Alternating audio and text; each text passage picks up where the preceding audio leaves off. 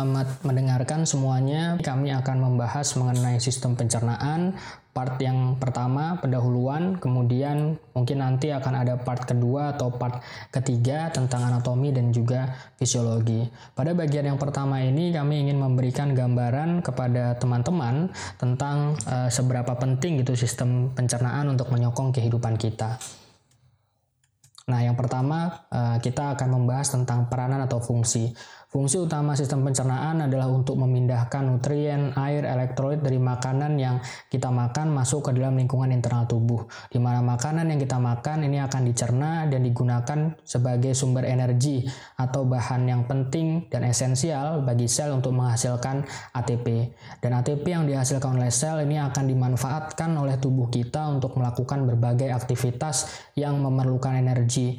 Jadi mulai dari aktivitas tingkat seluler, aktivitas seperti transport aktif, sekresi, sintesis, kontraksi, atau bahkan aktivitas-aktivitas yang lebih kompleks yang kita lakukan sehari-hari, misalkan seperti berjalan, olahraga, belajar, atau bahkan makan pun, ini akan membutuhkan ATP atau energi untuk melakukannya. Sehingga kita di sini bisa melihat bahwa ATP itu dihasilkan oleh sel. Kemudian sel untuk menghasilkan ATP itu membutuhkan bahan-bahan yang berasal dari makanan sebagai sumber energinya. Nah, terus eh, dan makanan untuk bisa sampai menghasilkan bisa sampai dimanfaatkan oleh sel itu perlu dicerna dicerna terlebih dahulu oleh sistem pencernaan. Nah, sehingga kita di sini bisa melihat ya secara umum eh, peranan atau fungsi vital sistem pencernaan untuk menyokong menyokong kehidupan kita. Nah, selanjutnya bagian kedua ini kita melihat eh, apa-apa uh, saja organ yang membentuk atau menyusun sistem pencernaan. Di sini dikelompokkan ada dua kelompok organ. Yang pertama ada organ pencernaan utama dan yang kedua ada organ pencernaan tambahan. Organ pencernaan utama di sini yang pertama adalah mulut ya. Jadi pertama ketika makanan masuk itu ya masuknya ke mulut. Kemudian yang kedua ada faring atau tenggorok. Faring ini merupakan uh, organ bersama gitu yang dilalui oleh makanan dan juga udara. Jadi nanti kalau udara kan nanti masuk ke laring, bronkus, paru dan uh, saluran ini bersama dengan dengan makanan dan juga udara. Kalau bagian yang udara nanti mungkin teman-teman bisa lihat di video yang lain tentang sistem pernafasan ya. Nah, jadi kalau dia makanan akan lanjut ke bagian yang ketiga dari faring yaitu esofagus ya. Ketiga dari faring kemudian masuk ke esofagus. Nah, dari esofagus masuk ke uh, lambung ya masuk ke lambung kemudian yang keempat ini uh, yang kelima kemudian makanan masuk ke usus halus usus halus di sini bagi menjadi beberapa bagian ada duodenum ada jejunum dan ada ilium nah setelah dari makanan sampai di ilium kemudian masuk ke bagian usus besar nah sebelum masuk ke lapisan usus ke bagian usus besar organ usus besar nanti akan ada suatu pintu atau celah gitu ya yang kita sebut sebagai sphincter ileocekum. Jadi bagian pertama ya dari usus besar yang masuk makanan itu adalah sekum, kemudian di bagian ke bawah di sini ada appendix atau umbai cacing, kemudian ada kolon ascendent, kemudian ada kolon transversum, kolon descendent, ada kolon sigmoid, ada rektum dan juga anus. Nah, yang disebutkan tadi dari mulut sampai dengan anus ini merupakan bagian dari organ pencernaan utama. Nah, kalau kita lihat posisinya uh, dari mulut sampai dengan anus, organ-organ pencernaan utama ini berada pada bagian tengah tubuh ya, di mana kalau kita lihat bentuknya itu diibaratkan seperti pipa atau selang yang bagian tengahnya itu beruang atau ada rongga di mana rongga tersebut akan dimanfaatkan untuk uh, masuknya makanan. Dan meskipun ada rongga berarti di tepi-tepinya itu akan dibentuk oleh chain seperti dinding gitu. Jadi ada dindingnya kemudian tengahnya ada rongganya. Nah kemudian dari mulut sampai dengan anus ini kira-kira panjangnya sekitar 4,5 meter pada orang dewasa dan kontraksi normal dan saling berhubungan gitu dari mulut sampai dengan anus ini saling sambung menyambung.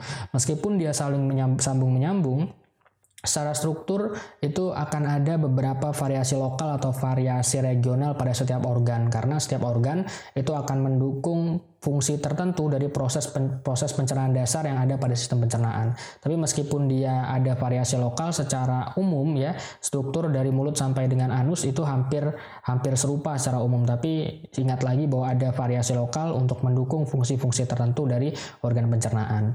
Nah, kemudian kita lanjut ke organ pencernaan apa? Kelompok organ yang kedua yaitu organ pencernaan uh, tambahan. Yang namanya tambahan atau aksesoris berarti kan fungsinya adalah untuk melengkapi atau menyempurnakan kerja dari organ pencernaan utama. Organ pencernaan tambahan di sini terdiri atas satu ada kelenjar saliva. Nah, kelenjar saliva ini uh, terdiri uh, menghasilkan air liur ya, fungsi untuk melumasi makanan. Selain untuk melumasi makanan juga fungsi air liur itu ada untuk menghasilkan proses pengecapan. Jadi mungkin nanti pada sistem uh, spe atau spesial pada sistem sistem uh, special sense mungkin teman-teman nanti bisa melihat bagaimana kerja dari uh, fungsi pengecapan yang dibantu oleh air liur. Kemudian ada yang kedua di sini ada yang keluar organ warna kuning pankreas ini. Ini uh, organ pencernaan tambahan kedua ada pankreas eksokrin. Kemudian yang ketiga ada sistem empedu terdiri atas hati atau liver dan juga kandung empedu atau gallbladder di mana pada sistem uh, hati ini sistem hati itu akan menghasilkan berbagai senyawa bersama dengan pankreas eksokrin yang akan dialirkan uh, ya melalui saluran atau melalui duktus masuk ke dalam usus halus ya menuju duodenum kemudian membantu proses pencernaan pada organ pencernaan utama. Jadi kira-kira itu organ-organ yang membentuk sistem pencernaan. Nah, kemudian kita lanjut ke bagian yang ketiga dinding saluran cerna. Nah, dinding saluran cerna ini dibentuk oleh beberapa lapisan. Jadi seperti yang disampaikan tadi ya, organ pencernaan itu seperti pipa saling sambung menyambung, tetapi pada setiap bagian tertentu akan ada variasi lokal, tetapi secara umum struktur yang membentuk dinding saluran pencerna itu hampir serupa ya, dari esofagus terutama dari esofagus sampai dengan anus. Jadi yang pertama kita lihat lapisan yang pertama yang berkontak dengan makanan itu adalah lapisan mukosa. Di lapisan mukosa ini lapisan yang berkontak kontak dengan makanan dia dibagi menjadi tiga uh, lapisan jadi ada lapisan mukosa membran kemudian lamina propria kemudian ada lapisan muscularis serosa. Pada lapisan yang pertama di lapisan mukosa mukosa membran. Mungkin di beberapa textbook lain teman-teman melihat lapisan mukosa membran disebut sebagai lapisan epithelial lining gitu. Jadi ini merupakan daerah yang terdiri atas sel-sel epitel. Kemudian uh, seperti yang disebutkan tadi fungsinya dia panah epitel dia sebagai protektif karena kan makanan kontaknya pada lapisan ini sehingga perlu proteksi secara secara uh, fisik secara fisik juga terhadap makanan tersebut agar tidak melukai dinding saluran pencernaan. Nah, kemudian karena tadi kita sebut juga setiap organ ada beberapa variasi lokal, mungkin di beberapa organ-organ pada organ pencernaan utama itu akan ada sel-sel yang lebih dominan, misalkan ada sel kelenjar eksokrin menghasilkan getah pencernaan, sel kelenjar endokrin menghasilkan hormon atau bahkan sel-sel epitel lain yang fungsinya itu uh, khusus untuk uh, meningkatkan absorpsi dari saluran cerna. Jadi ini berada di lapisan mukosa membran atau lapisan epitel lining. Nah, kemudian pada lapisan mukosa membran atau lapisan epitel ini pada bagian tipe tipe epitel yang ada pada mulut kemudian pada faring sampai esofagus itu uh, tipenya ada lapisan epitel squamosa berlapis. Kemudian sisanya dari uh, bawah ya ke bawah dari lambung sampai dengan anus itu dia lapisannya epitel kolumnar Nah, kemudian kita lanjut ke bagian lapisan kedua dari mukosa dan lapisan lamina propria. Lapisan lamina propria, teman-teman bisa melihat ini merupakan lapisan yang uh, terdiri atas jaringan ikat, kemudian dia tipis ya, tidak terlalu padat, dia tipis. Pada lapisan lamina propria ini terdapat lymphoid tissue ya. Jadi lymphoid tissue fungsinya sebagai protektif secara imunitas terhadap uh, bakteri atau berbagai mikroorganisme. Di sini juga kita bisa menemukan fibroblast ya, sel-sel fibroblast, kemudian makrofag, limfosit ya, ada di lapisan lamina propria. Kemudian lapisan ketiga dari mukosa adalah muscularis mukosa. Jadi muscularis yang bukan lapisan otot-otot yang yang renggang di sini tidak terlalu padat dan lapisan ini juga berbatasan dengan lapisan dinding saluran cerna yang kedua yaitu submukosa. Jadi setelah mukosa masuk ke lapisan submukosa dari dinding saluran cerna. Lapisan submukosa ini merupakan lapisan yang uh, terdiri atas uh, connective tissue atau jaringan ikat juga hampir serupa dengan lamina propria tetapi secara komponen submukosa ini dia lebih padat kemudian uh, uh, jaringan ikatnya lebih padat, kemudian lebih uh, fungsinya itu untuk mendukung ya meregangkan dan elastisitas dari dinding saluran cerna sehingga dia karena padat itu kemampuan regang dan elastisitasnya lebih lebih baik gitu ya untuk mendukung dinding saluran pencernaan ini. Kemudian pada submukosa juga ada beberapa pembuluh ya ada pembuluh darah kemudian pembuluh limfa dan juga anyaman saraf dan pada pembuluh darah itu nanti uh, cabang akan bercabang ke arah dalam maupun ke arah luar dari dinding saluran cerna. Pada lapisan uh, pada uh, yang anyaman saraf pada saraf uh, pada persarafan itu ada anyaman saraf yang berada pada bagian luar dari submukosa yang berbatasan dengan uh, lapisan ketiga dinding saluran cerna yaitu musculus externa. Nah, saraf ini kita sebut sebagai anyaman saraf atau plexus submukosa atau nama lainnya adalah plexus Meissner. Nah, plexus submukosa pada lapisan submukosa ini fungsinya adalah untuk meregulasi gitu atau untuk mengatur sekresi dari kelenjar yang ada pada sel-sel yang ada di lapisan uh, mukosa tadi dan juga untuk mengatur vasokonstriksi pembuluh darah yang ada pada lapisan submukosa. Kemudian uh, kita masuk ke lapisan ketiga, ini lapisan muscularis externa. Lapisan muscularis externa terdiri atas dua jenis otot, terdiri atas dua terdiri atas otot polos ya, merupakan otot polos terdiri atas dua uh, lapisan ya. Pertama ada lapisan otot sirkuler dalam. Jadi yang pertama ini lapisan sirkuler yang bentuknya seperti cincin atau melingkari saluran pencernaan atau dinding saluran pencernaan. Kemudian yang kedua ada otot longitudinal luar. Jadi longitudinal dia ototnya memanjang memanjang dinding saluran pencernaan. Nah, kalau kita mengimajinasikan dari masing-masing bentuk lapisan otot polos pada dinding saluran cerna, ini lapisan otot polos yang sirkuler ini ketika berkontraksi itu akan mengecilkan ya dinding saluran cerna dan keteliman saluran cerna dan ketika berelaksasi akan melebarkan diameter dari lumen saluran cerna. Sedangkan kalau otot longitudinal luar ketika berkontraksi akan memendekkan saluran dinding saluran cerna dan ketika berelaksasi itu akan memanjangkan uh, dinding saluran cerna. Dan kita bisa melihat kalau seandainya mereka berkontraksi bersama ini akan menghasilkan suatu gerakan pada dinding saluran pencernaan pada otot pada saluran pencernaan yaitu gerakan mencampur dan juga gerakan mendorong makanan. Dan di antara kedua uh, lapisan otot sirkuler dan longitudinal ini terdapat anyaman saraf uh, lagi yaitu anyaman saraf yang kita sebut sebagai plexus mesentericus atau plexus aurbah nama lainnya. Nah, plexus mesentericus atau plexus aurbah ini fungsinya adalah untuk uh, meregulasi juga terutama adalah meregulasi gerakan-gerakan dari uh, saluran pencernaan. Jadi tergantung dari uh, neurotransmitter yang menstimulasi plexus tersebut apakah dia adalah serotonin atau uh, neurotransmitter yang sifatnya untuk mengakselerasi dari pergerakan saluran pencernaan atau kalau seandainya dia di uh, diinhibit oleh neurotransmitter VIP atau neurotensin gerakan otot saluran otot saluran cerna juga akan uh, dihambat itu akan digerak. Jadi ini uh, merupakan kerja dari plexus mesentericus tergantung dari neurotransmitter yang menstimulasinya juga. Nah, kemudian uh, pada lapisan otot otot otot pada saluran pencernaan seperti yang disebutkan tadi setiap organ pada saluran uh, cerna ini dia memiliki uh, variasi lokal. Jadi ketika ada di mulut sampai dengan faring itu otot yang ada di situ merupakan jenis otot skeletal jadi bukan otot polos. Tapi kalau udah masuk ke esofagus itu ada dua jenis otot. Satu ototnya otot skeletal kemudian yang lain baru ada otot polos juga. Jadi esofagus ada dua jenis otot. Ketika turun ke bawah lambung sampai dengan anus itu semua ototnya adalah jenis otot polos. Dan uh, dari usus halus sampai dengan anus otot polos yang yang yang terbentuk itu memiliki dua layer atau dua lapisan. Jadi ini yang kita bahas tadi merupakan dari usus halus kira-kira sampai sampai dengan anus. Sedangkan kalau yang ada di lambung itu layernya ada tiga layer, jadi ada tiga lapisan. Jadi agak berbeda dengan yang lain karena kita bisa membayangkan bahwa lambung itu kerjanya kan uh, untuk meng, apa untuk mencerna untuk mengolah makanan kan lebih berat ya.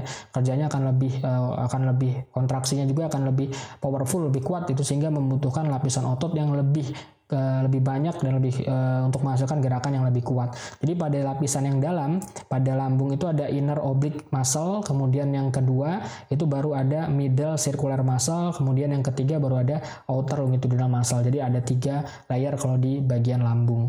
Nah kemudian setelah lapisan ketiga dari dinding saluran cerna, kita masuk ke lapisan yang terluar atau lapisan keempat yang kita sebut sebagai lapisan serosa. Nah, pada uh, lapisan serosa di sini menghasilkan cairan serosa dan cairan serosa ini fungsinya adalah untuk melumasi bagian luar dari dinding saluran cerna. Ketika dia dilumasi oleh cairan serosa ini gunanya adalah untuk mengurangi friksi atau kontak ya dengan atau gesekan dengan organ visceral lain yang ada di sekitar uh, saluran pencernaan. Nah, sehingga akan mengurangi damage organ yang terjadi karena ada ada cairan tersebut. Nah, kemudian lapisan serosa juga sini menyambung ke mesenterium sampai ke peritoneum dinding abdomen. Jadi dengan adanya sambungan ini ya, dengan menyambung jadi saluran cerna itu ibaratkan seperti menggantung gitu. Kemudian dia terfiksasi posisinya berada di bagian tengah tubuh yang kita gambarkan tadi. Nah, ketika dia terfiksasi meskipun fiksasi ya, tapi fiksasi yang terjadi di sini sifatnya relatif. Jadi dia hanya menggantung saja tidak sampai membatasi gerakan saluran pencernaan. Akibatnya saluran pencernaan masih bisa menjalankan kontraksi motilitasnya dengan dengan maksimal ya, tapi posisinya masih tetap berada di posisi yang yang yang seharusnya. Jadi kurang lebih di sini kita bisa melihat ada empat ya lapisan dinding saluran pencernaan paling dalam mukosa, kemudian submukosa, muskulasi eksterna dan juga serosa. Selanjutnya kita lanjutkan ke pembahasan yang keempat mengenai proses pencernaan dasar. Nah, eh, seperti yang kita gambarkan tadi bahwa peranan fungsi eh, saluran pencernaan, kemudian ada organ-organ saluran pencernaan, kemudian eh, organ-organ saluran pencernaan memiliki dinding yang eh, berlapis ya, memiliki dinding yang berlapis dan setiap organ itu akan menjalankan yang ada di sistem pencernaan itu akan menjalankan proses pencernaan dasar. Jadi sistem pencernaan itu memiliki proses-proses pencernaan dasar yang dijalankan oleh berbagai organ yang kita bahas tadi. Nah, ada empat proses pencernaan dasar. Yang pertama ada motilitas, kedua sekresi, digesti, dan ada absorpsi. Nah, sekarang kita coba bahas dulu tentang motilitas.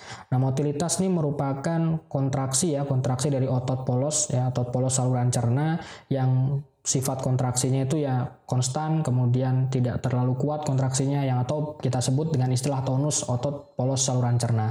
Di mana tonus otot polos saluran cerna ini menghasilkan dua jenis gerakan yang sudah kita sebut juga tadi ada gerakan propulsi atau gerakan mendorong makanan sehingga makanan itu akan turun ke bawah ya ke bawah saluran cerna. Nah, kemudian kedua gerakan kedua ada gerakan mencampur. Jadi selain didorong makanan itu akan dicampur juga oleh uh, proses pencernaan dasar ini terjadi selama makanan dicerna. Nah, Kemudian proses pencernaan yang kedua adalah sekresi. Jadi sekresi ini yang menghasilkan berbagai uh, berbagai senyawa gitu, mulai dari getah pencernaan, hormon, ya, kemudian enzim saluran cerna ini dihasilkan ya oleh sel-sel yang ada di saluran pencernaan, baik itu di organ pencernaan utama maupun organ pencernaan tambahan. Nah, kemudian proses pencernaan yang ketiga adalah digesti. Nah, digesti ini adalah untuk tujuannya adalah untuk mengubah uh, makanan ya sehingga bisa diserap oleh tubuh oleh sehingga bisa diserap oleh saluran pencernaan. Jadi, uh, setiap makanan yang kita makan ya, nasi, mie ayam atau apa pun itu makanan yang kita makan itu memiliki tiga komponen utama yang kaya akan energi. Jadi pertama yang biasa kita tahu ada karbohidrat, kemudian yang kedua ada uh, protein, ketiga ada lemak. Tapi makanan yang pertama masuk ke dalam tubuh kita itu ber, masih berada dalam komponen atau struktur kimia yang yang masih besar gitu belum bisa diserap oleh tubuh sehingga perlu proses digesti untuk mengubah dari ukuran yang besar tadi sehingga bisa menjadi molekul yang lebih sederhana dan bisa diabsorpsi oleh tubuh. Nah ini terjadi dalam proses digesti. Jadi kalau karbohidrat itu dia akan uh, masuk dalam bentuk polisakarida dan di digesti baru menghasilkan uh, monosakarida dan bisa, baru bisa diserap. Kemudian yang kedua protein. Protein itu masuk dalam ukuran kumpulan asam amino dihubungkan oleh ikatan peptid. Kemudian kemudian diuraikan menjadi baru bisa diserap ketika dia diuraikan menjadi polipeptida kecil dan bisa diabsorpsi. Kemudian yang ketiga lemak itu berbentuk uh, trigliserida diuraikan menjadi monogliserida dan baru bisa diabsorpsi masuk ke pembuluh limfe. Nah, ini terjadi pada proses digesti. Jadi penting sekali proses digesti dalam proses pencernaan dasar. Dan proses digesti ini terjadi melalui proses hidrolisis ya. Jadi eh, penambahan molekul H2O di antara ikatan molekul dari masing-masing komponen karbohidrat, protein dan lemak tadi. Ketika ada tambahan H2O, kemudian enzim-enzim dari saluran pencernaan yang disekresikan oleh proses sekresi ini akan membantu ya masuk ke dalam ikatan tersebut, kemudian menguraikannya menjadi molekul yang lebih sederhana dan bisa diabsorpsi. Nah, pada bagian eh, Nah, kemudian baru masuk ke bagian keempat proses pencernaan dasar yaitu absorpsi. Kalau absorpsi ya berarti menyerap makanan yang baru yang sudah menjadi molekul sederhana dan bisa diserap. Dan setiap absorpsi itu setiap molekul itu tidak semuanya masuk ke pembuluh darah. Jadi ada nanti kalau dia uh, monosakarida kemudian uh, protein itu masuknya ke pembuluh darah sedangkan kalau yang yang bagian uh, lemak itu nanti masuknya ke pembuluh limfe jadi nanti untuk pembahasan itu kita bisa bahas lagi di bagian uh, fisiologi dan pada bagian proses pencernaan dasar di sini juga mungkin teman-teman perlu ingat bahwa tidak setiap organ itu perlu melakukan semua proses pencernaan dasar. Jadi mungkin ada beberapa organ-organ kayak usus halus atau uh, bagian uh, program pencernaan utama yang dapat melakukan semua proses pencernaan dasar dari motilitas, sekresi, digesti dan absorpsi. Tapi tidak semuanya harus dilakukan. Misalkan pada program pencernaan tambahan mungkin dia lebih hanya sekresi doang kayak kelenjar-kelenjar kan, mungkin dia hanya hanya sekresi saja tapi tidak melakukan motilitas. Jadi tidak harus semuanya proses pencernaan terjadi pada setiap organ. Nah ini bagian yang kelima ya, bagian yang kelima ini kita akan membahas tentang regulasi fungsi sistem pencernaan. Jadi pada bagian ini kita akan melihat ya proses-proses pencernaan dasar yang dilakukan oleh setiap organ pada sistem pencernaan tadi itu sebenarnya ada yang meregulasi atau yang mengatur fungsinya yang dilakukan oleh empat, empat bagian utama itu ada fungsi otonom polos, kemudian fungsi plexus saraf intrinsik, saraf ekstrinsik dan hormon pencernaan.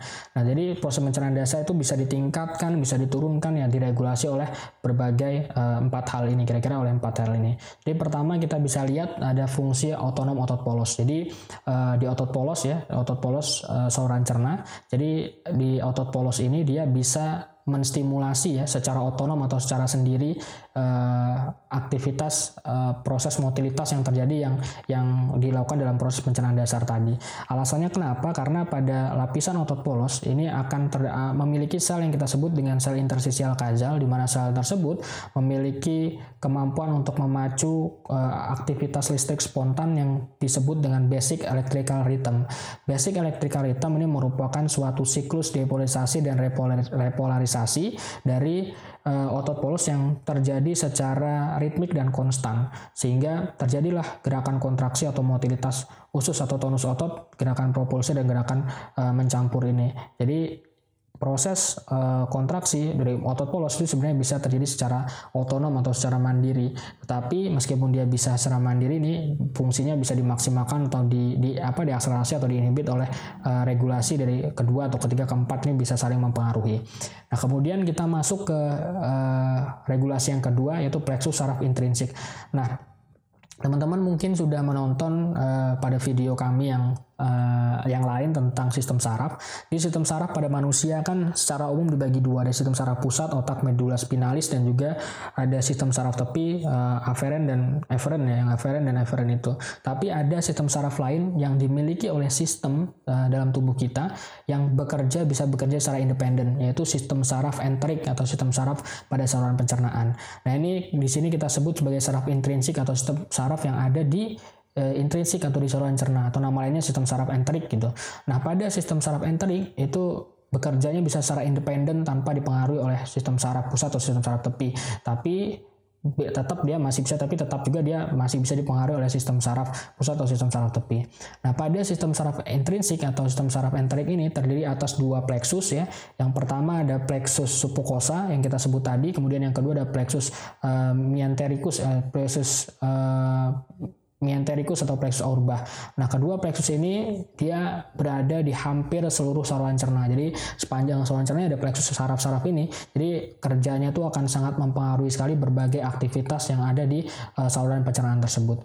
Nah, kemudian pada uh, saraf intrinsik ini juga itu akan memiliki neuron-neuron ya, ada neuron aferen dan juga neuron eferen. Neuron aferen di sini akan menerima berbagai sensorik ya, perubahan sensorik dari uh, hal-hal eksternal, kemudian perubahan lokal yang ada di saluran cerna itu juga akan mempengaruhi dan akan mem, uh, memberikan perintah plexus saraf intrinsik ini melalui neuron eferen. Jadi neuron eferen melalui perintahnya menuju ke otot polos ya, otot polos saluran cerna, kemudian menuju ke kelenjar eksokrin, kelenjar endokrin dan uh, stimulasinya ini bisa meningkatkan kinerja atau menurunkan kinerjanya dari otot polos dan juga sekresi kelenjar yang ada gitu. Nah ini diregulasi ini ini merupakan kemampuan regulasi dari plexus saraf intrinsik. Dan juga saraf intrinsik dipengaruhi juga oleh otonom. Jadi saraf saraf otonom dari sistem saraf pusat saraf tepi itu mempengaruhi saraf intrinsik. Kemudian kita masuk ke yang regulasi ketiga saraf ekstrinsik. Nah saraf intrinsik ini ya di luar dari saraf uh, entrik tadi. Nah saraf ekstrinsik tadi udah saraf pusat saraf tepi saraf tepi ada aferen eferen ada yang eferen ada somatik ada otonom. Nah pada bagian otonom inilah yang terdiri atas simpatis dan parasimpatis yang akan mempengaruhi dari kinerja sistem uh, mempengaruhi kinerja dari saluran pencernaan.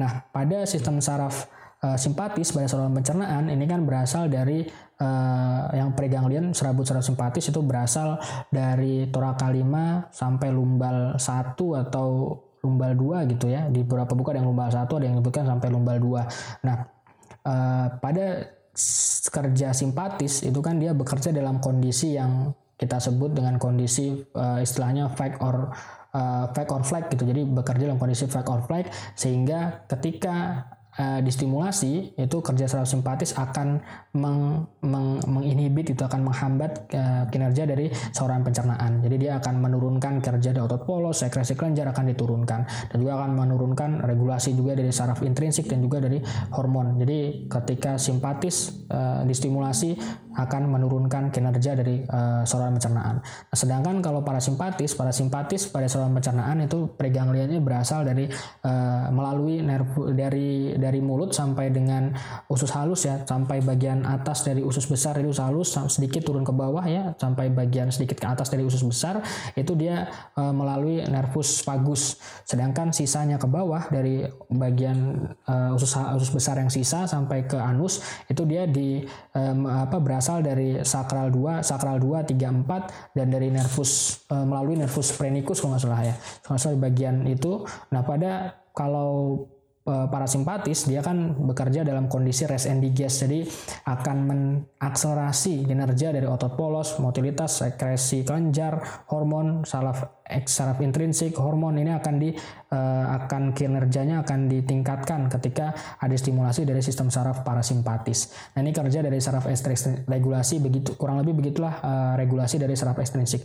Nah, kemudian bagian yang ketiga, eh, bagian yang keempat yang terakhir adalah regulasi dari hormon pencernaan hormon pencernaan ini kan uh, ya disekresikan oleh uh, oleh sel-sel yang ada di saluran pencernaan tadi yang ada di lapisan mukosa membran terutama ketika disekresikan ya kinerjanya hampir serupa bisa meningkatkan atau menurunkan kinerja dari saluran pencernaan. Nah sehingga dari empat uh, hal-hal ini ya yang kurang lebih akan meregulasi proses-proses pencernaan dasar yang terjadi pada sistem pencernaan dan yang uh, terjadi di berbagai organ. Jadi uh, empat hal ini akan meregulasi implementasinya. Ya kurang lebih itu saja yang bisa kami sampaikan. Mungkin teman-teman uh, masih terlalu singkat untuk mungkin uh, pembahasannya uh, masih terlalu singkat dan kurang dalam tentang pembahasan ini. Tetapi uh, di sini kami cantumkan kalau teman-teman ingin melanjutkan uh, pemahaman lebih lanjut tentang pendahuluan dari sistem saluran pencernaan. Di sini ada uh, bisa baca di fisiologi Sherwood, kemudian ada Gaetan and Hall, Ganong Review, dan Kasem Blingham yang kami gunakan dalam uh, pembahasan ini. Ya, terima kasih atas perhatiannya.